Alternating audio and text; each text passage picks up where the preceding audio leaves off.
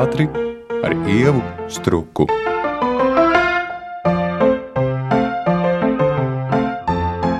Raidījumā Šņurbēriņi, kas ir sezonas pēdējais raidījums un pēdējā saruna ar režisoriem, es izvēlējos uzaicināt divus jaunākos, vēl tikai topošos režisorus, kas studē Latvijas Kultūras Akadēmijā Māras Čimals vadītajā kursā.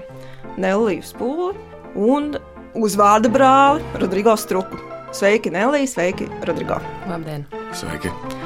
Pirmkārt, eh, es gribēju sākt sarunu ar to, ka man patiešām interesē šai laikmetā, šai nu, gan politiskajā, gan uh, tehnoloģiju attīstības situācijā, kam ir jānotiek jauna cilvēka galvā, lai viņš 12. klasē nolemtu, ka vēlas apgūt teātris režiju, nevis kino vai kādu citu, bet teātris režiju.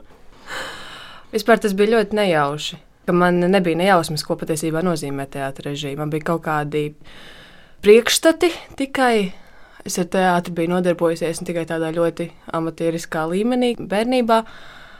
Un uh, mans domu gājiens, es pat negribu atklāt, tas bija ļoti muļķīgs. Bet uh, man ļoti paveicās, jo tad, kad es iestājos, es sapratu, ka tas ir kaut kas pilnīgi cits, nekā es biju gaidījusi. Bet tieši tāpēc man patika vēl labāk.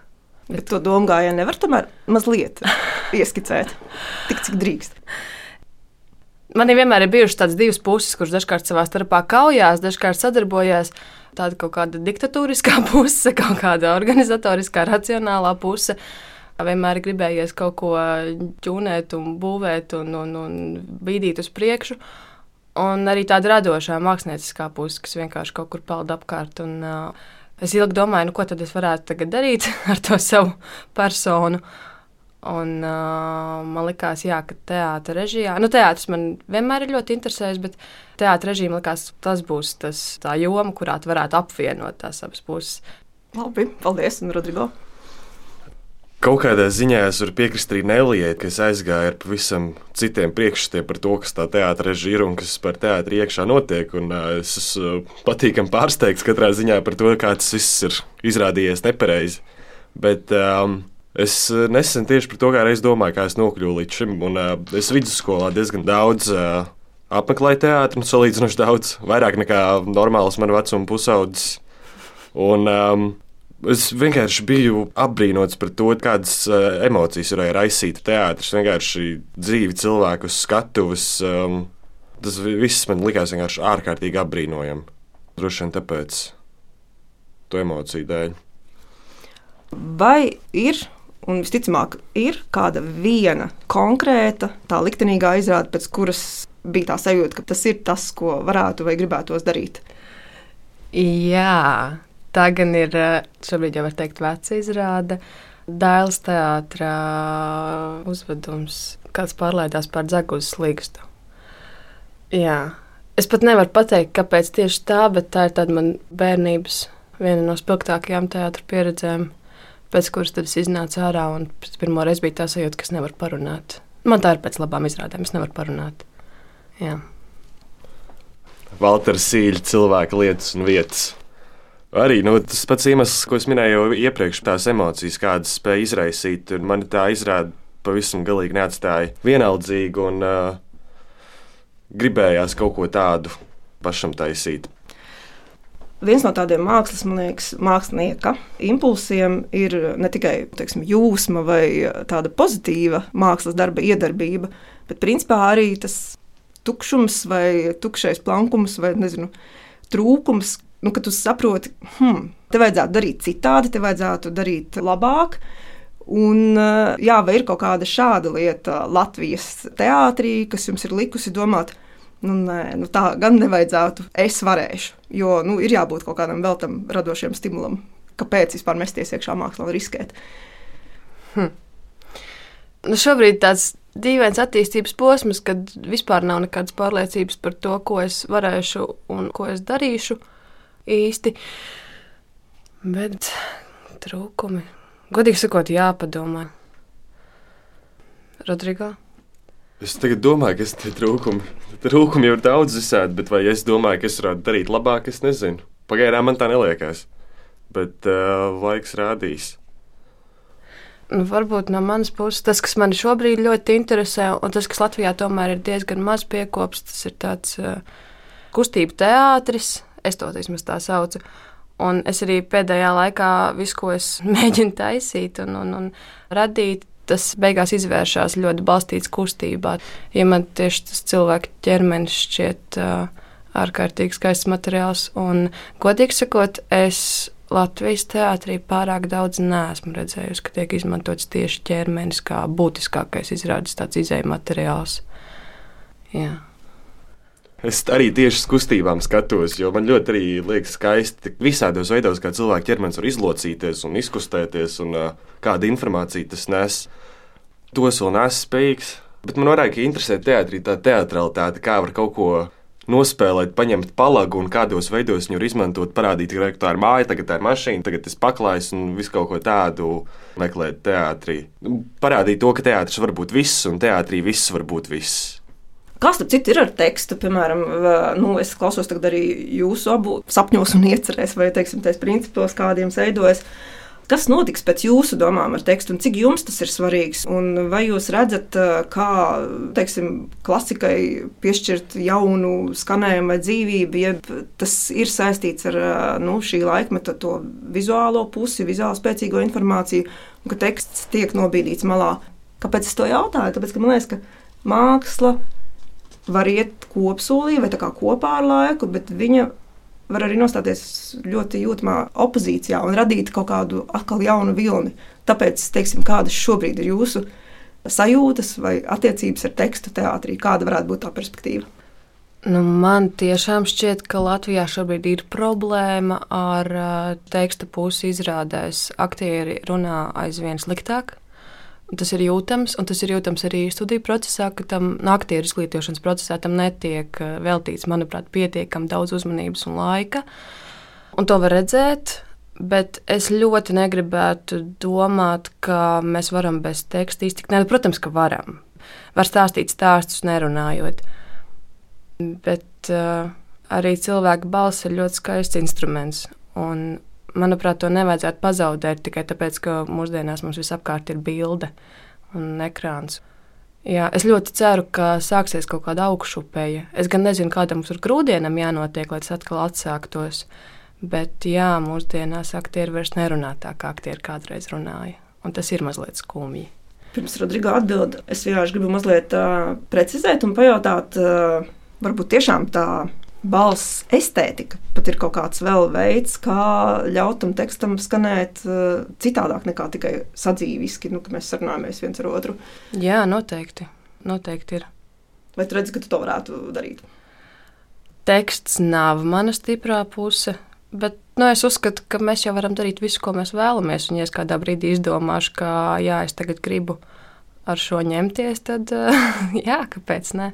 Rodrigo vispār es liekas, varētu oponēt Nelijai tādā ziņā, ka visas izrādes, kuras Latvijā esmu redzējis, lielākoties ir balstītas uz tekstu. Viss tiek pastāstīts tekstos, un viss tiek arī atrisināts ar tekstiem, nevis ar ķermeni un neko citu.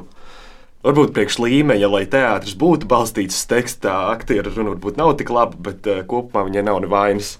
Bet uh, es gribētu teikt, ka tas ir dažādu žanru jautājumus. Nevar visu taisīt vienādas izrādes, un eh, nevar arī pats taisīt uz laiku vienādas izrādes, kuras ir uh, balstītas tikai uz kustībām un kaut ko tādu, vai arī tikai uz tekstu.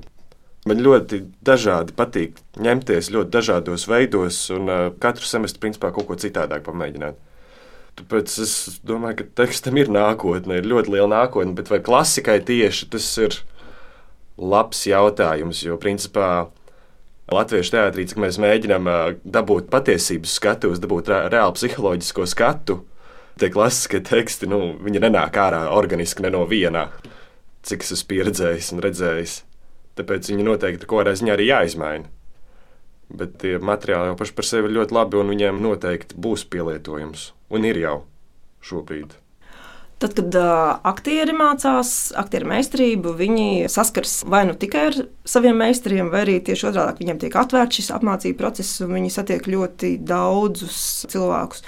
Jūsu kursu vada Māra Čimela, bet, cik es zinu, tomēr ar jums strādā ļoti dažādi pedagoģi. Un kā tas ir režijā? Vai tas atvieglo vai apgrūtina sava rokraksta veidošanu, ka jūs redzat, ka var tā, tā, tā un vēl kaut kā citādāk, un tad, kur tad esat jūs paši, kā atrast to savu veidu, kā jūs uh, strādāsiet teātrī. Respektīvi, ko jūs iegūstat un ko varbūt nezinu, zaudējat, strādājot ar ļoti dažādiem cilvēkiem. Tas noteikti no vienas puses rada kaut kādu, es teiktu, radošo stresu. Nu, īpaši tad, kad ir ļoti daudz darba, tu ik pa laikam vairs nesaproti, kurā virzienā tu pats gribi iet. Tevis paša griba pazūd kaut kur tajā visumā. Bet patiesībā lielos vilcienos tas tomēr lielākoties tevi nomierina. Jo ir skaidrs, ka šo sirds darbu var darīt nenormāli dažādos veidos. Nu jā, un tad pazūd visādas domas par to, ka tas, ko tu dari, varētu būt nepareizi vai kaut kā tam līdzīgi. Protams, jautājums ir, cik tas ir skatāmi. Bet, jā, manuprāt, tas ir ļoti liels pluss, jo, jo, jo vairāk metodas, jo vairāk pieredzes mēs dzirdam un redzam ikdienā, jo, jo labāk mēs paši, man liekas, jūtamies. Es arī noteikti teiktu, tas ir liels pluss apgūt pēc iespējas vairāk dažādus veidus, kā skatīties uz teātri. Bet tā negatīvā puse droši vien tāda, ka šobrīd tas studiju gados ļoti milzīgu sajukumu rada kad tu vienam pedagogam rādi kaut ko vienu un stāsti, un uh, viņam tas patīk, un tad otram stāsti to pašu, un viņš tev absolūti norok par to ideju. Tas droši vien to sajukumu rada. Bet kopumā es to arī principā vērtēju tikai ar pluszīmi, ka ir uh, ļoti daudz lietas, kuras var paņemt no vairākiem pedagogiem, jo nu, neviens nav ideāls. Un katram kaut kāda savu mīnusu un savu plusu. Un mēģināt kā katra pedagoga tos plusus mēģināt savākt sev. Ļoti labi.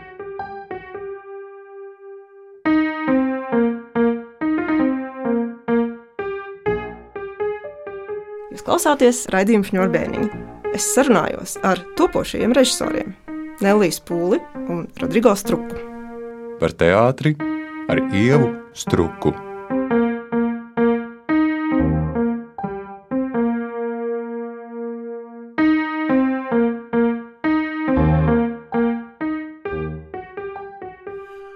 Kā ir ar jums, kā jauniem cilvēkiem, ar šo nezinu, tā nav problēma, bet teiksim, pieeju vai jautājumu, ka no režisora arī gaida vairāk kopradi, un ir pat jēdziens koprades teātris un domu biedru grupa, kas rada.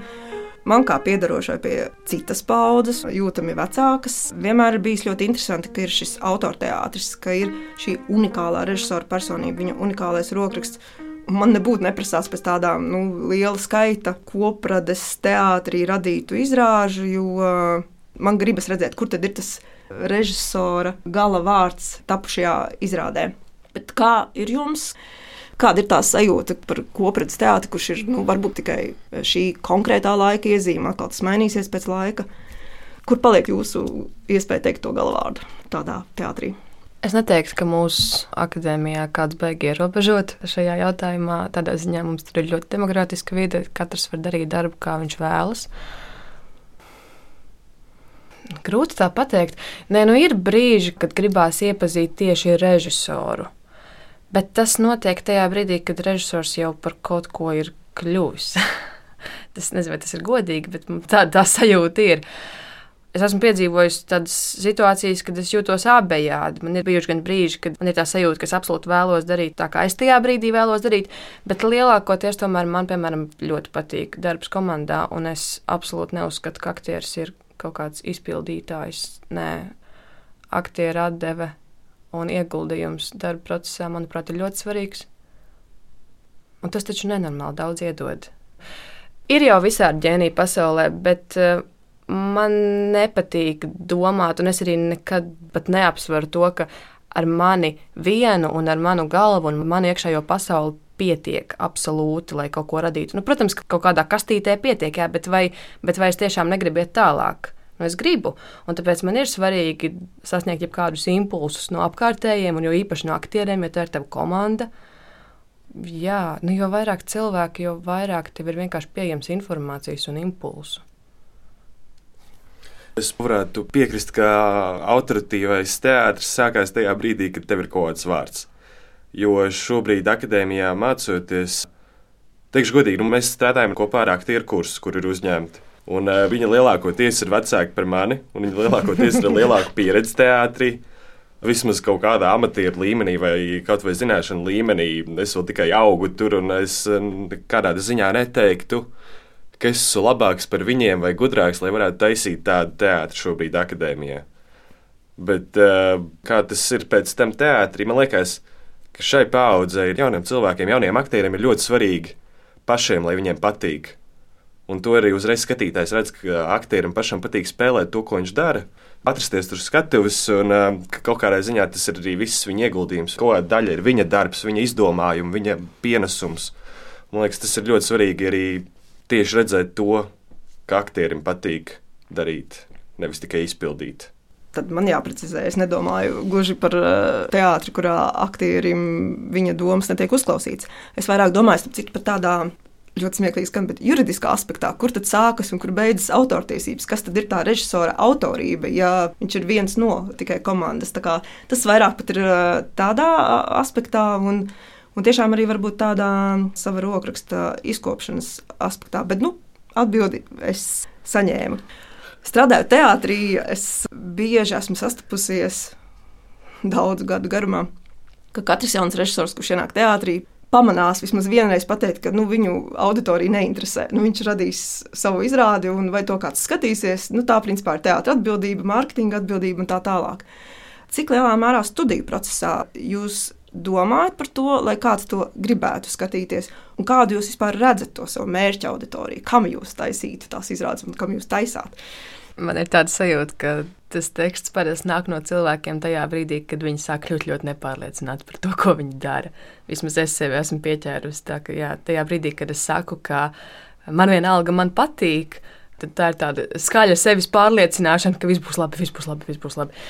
Bet uh, es šobrīd vēl neesmu paspējusi sevi ierobežot uz kaut kādu konkrētu vecumu, dzimumu. Nezinu. Es vēlos taisīt teātri visiem. Un, protams, ka šobrīd sanāk vairāk uz pieaugušo mērķa auditoriju koncentrēties, bet man, piemēram, fascinē arī teātris, kas piemērots bērniem.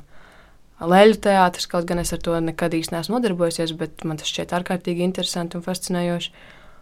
Jā, tad jau redzēsim principā es varu teikt, ka svarīgākais iemesls vispār režijā ir taisīt tā, lai tev pašam patīk un darīt tā, kā tev pašam patīk. Bet, nu, noteikti kaut kādā ziņā tas skatītājs vienmēr ir jāņem klāt. Un, uh, Es domāju, tas ir viens no veidiem, kā es kā režisors augu, kā aug mana kaut kāda izpratne par to, kā tam ir jāizskatās un kam man ir jāpatīk tieši caur skatītājiem. Jau aug tas, nu, pagaidām tieksim mūsu pedagogu un kursbiedrs, ar viņiem arī aug tā pašam izpratne par to, kas strādā, kas nestrādā un patīk jau tas, kas strādā.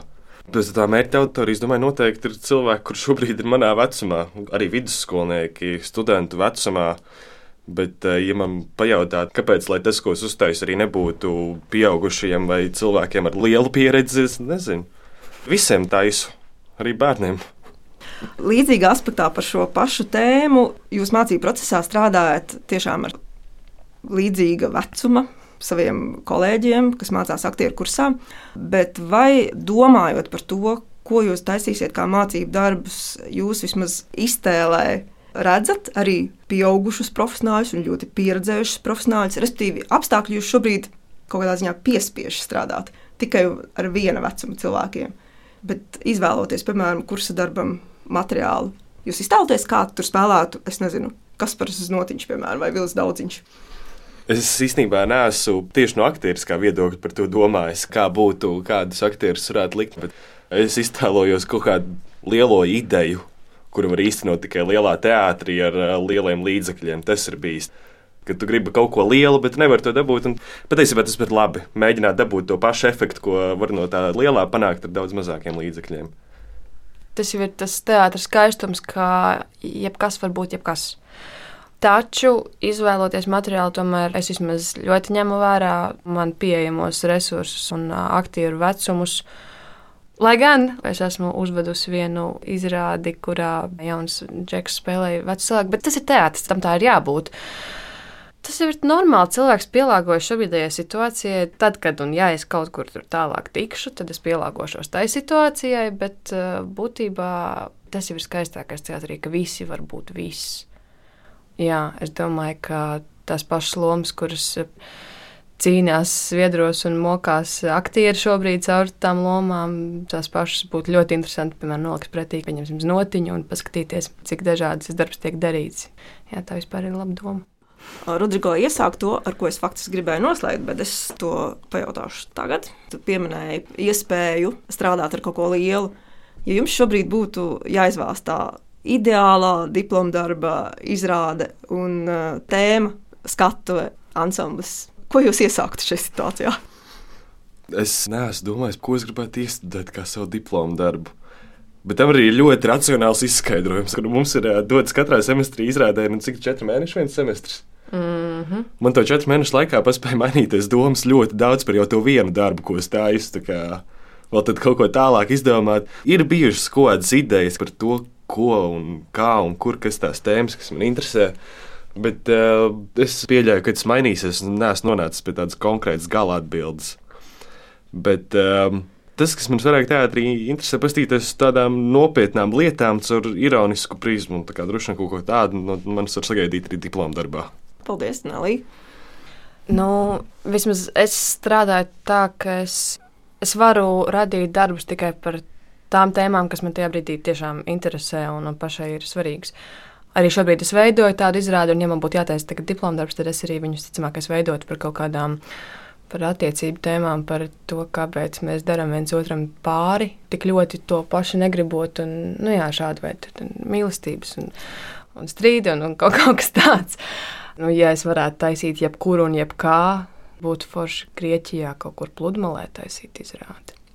ļoti labi.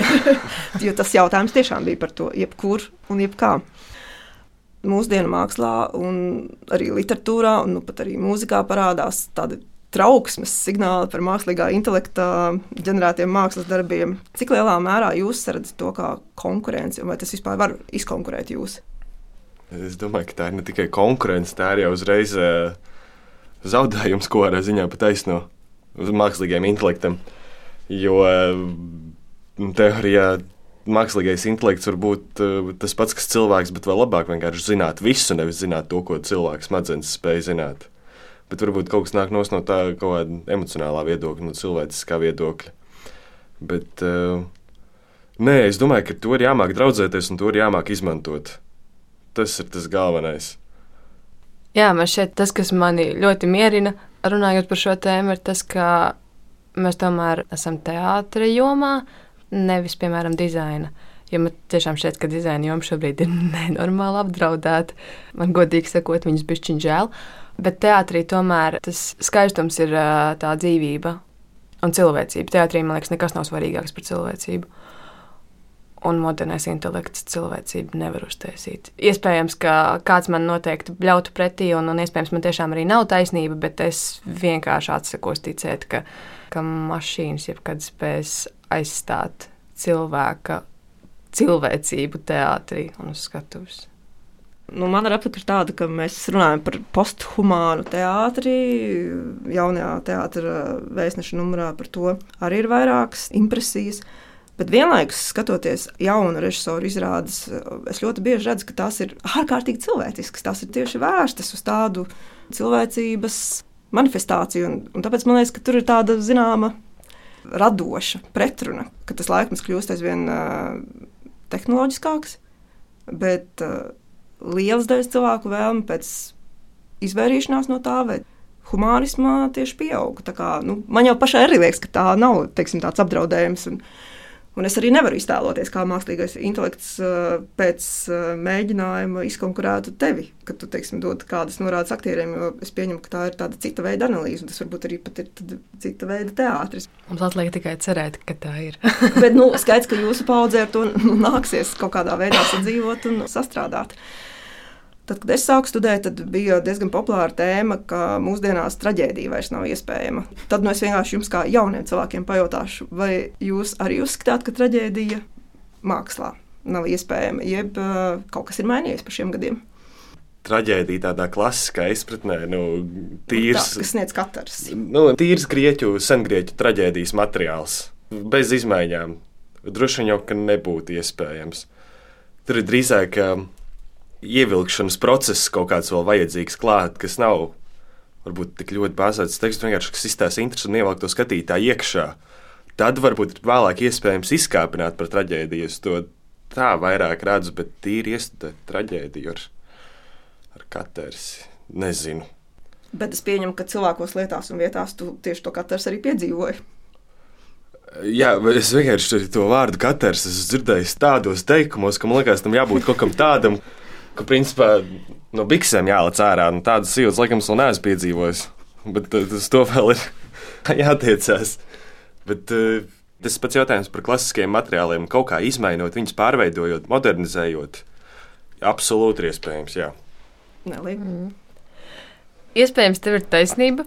Bet es negribētu domāt, ka tādas īrās traģēdijas mūsdienās vairs nevar iestudēt. Nu, jā, noteikti ļoti sarežģīti. Bet es ceru, ka ir iespējams. Bet runājot par vispār traģēdiju, kā kaut kādu dzīves traģisku notikumu, mūsdienās vienkārši cilvēkiem ir cita veida traģēdijas. Nē, no vienas puses jau tas pašs vien ir, jo dzīvēm vispār nekas jauns neparādās nekad. Visi iet uz apli. Vienkārši priekšplānā mūsdienās tomēr ir kaut kādas citas traģēdijas. Tagad, piemēram, līdz ar sociālajiem tīkliem izvirzās ļoti redzamā zonā katra cilvēka individuālās traģēdijas, respektīvi tādas kaut kādas mazās traģēdijas, kas arī ir ļoti interesantas, tāpēc, ka viņas ir tik daudz, viņas ir tik skaļas. Es vienkārši domāju, ka mūsdienās vārds traģēdija varētu sākt domāt par kaut kādas citas nozīmes piešķiršanu tam vārdam. Iespējams. Man liekas, teātris ir pats sevi nodevis ar šo. Gribot uztaisīt, pieņemsim, kaut kādas komēdijas, kurās mēs atklājam to, ka šis ir teātris, mēs to atzīstam, ka aktieris nokāpa no skatuves, ienāk skatītāja zālē, pasakā, ka šis nebija bīstami. Kad tas viss valkās līdzi arī citās izrādēs, ka mums jau ir tas laikmets, tagad, kur mēs laužam ceturto sienu, līdz ar to arī tāpēc vairs īsti nav iespējams ticēt līdz galam no skatītāja viedokļa. Kādā brīdī tu atsevišķies no tā. Un, saproti, ka tas nav pa īstam, tas ir teātris un nerada tādas sajūtas. Un noslēgumā es gribu pajautāt, gluži lietišķi. Tuvojas vasara, tuvojas mācību gada noslēgums. Kas ir jūsu katra šis uh, radošais darbs, ar ko jūs beigsiet? Kas ir jūsu eksāmena darbs? Man ir uh, Žana Paula Sārta darbs uh, aiz slēgtām durvīm. Jā, Nē, no akadēmijas bija mēģinājums, kur atnāca Māra. Uh, pakomentēju šo to. Ļoti daudz kas jāpamaina tagad ir. Nē, nu labi, tik bēdīgi arī nav. Bet uh, jāskatās, kas un kā tur sanāks. Uh, jo, principā, tas, ko es gribēju izdarīt ar to darbu, to tagad vairs laikam nebūs iespējams izdarīt laika trūkuma dēļ. Bet, nu, skatīsimies, man ir vēl piecas dienas, sešas. Tie vēl var paspēt nomainīt materiālu. Es vēl varu paspēt nomainīt materiālu, jā. Nu, jā, kamēr raidījums izskrēs, tikmēr sešas dienas būs paskrējušas, bet uh, jā. lai izdodas Melī tev. Es šobrīd strādāju pie Viljama Sarajana darba Jūras tur. Ar visu tā kā muzikālo pusi, jeb nē, nē, nē, nē, nē, nē, nē, tā ir dramatiskā izrāde. Nu, lai izdodas, uh, prieks jūs bija satikt. Es ceru, ka nepaies ne pārāk ilgs laiks, un ka mēs ar katru no jums jau atsevišķi, kā ar strādājošiem Latvijas teātrī režisoriem, tiksimies vēl kādā citā kultūrai un teātrim veltītam raidījumā. Paldies! Paldies, Paldies! Par teātri ar ievu struku. Jūs klausījāties raidījumu Šņurbēniņa. Mani viesi bija topošie režisori. Latvijas Kultūras Akadēmijas studenti režijas nodaļā Nelijas Pūle un Rodrigo Struka.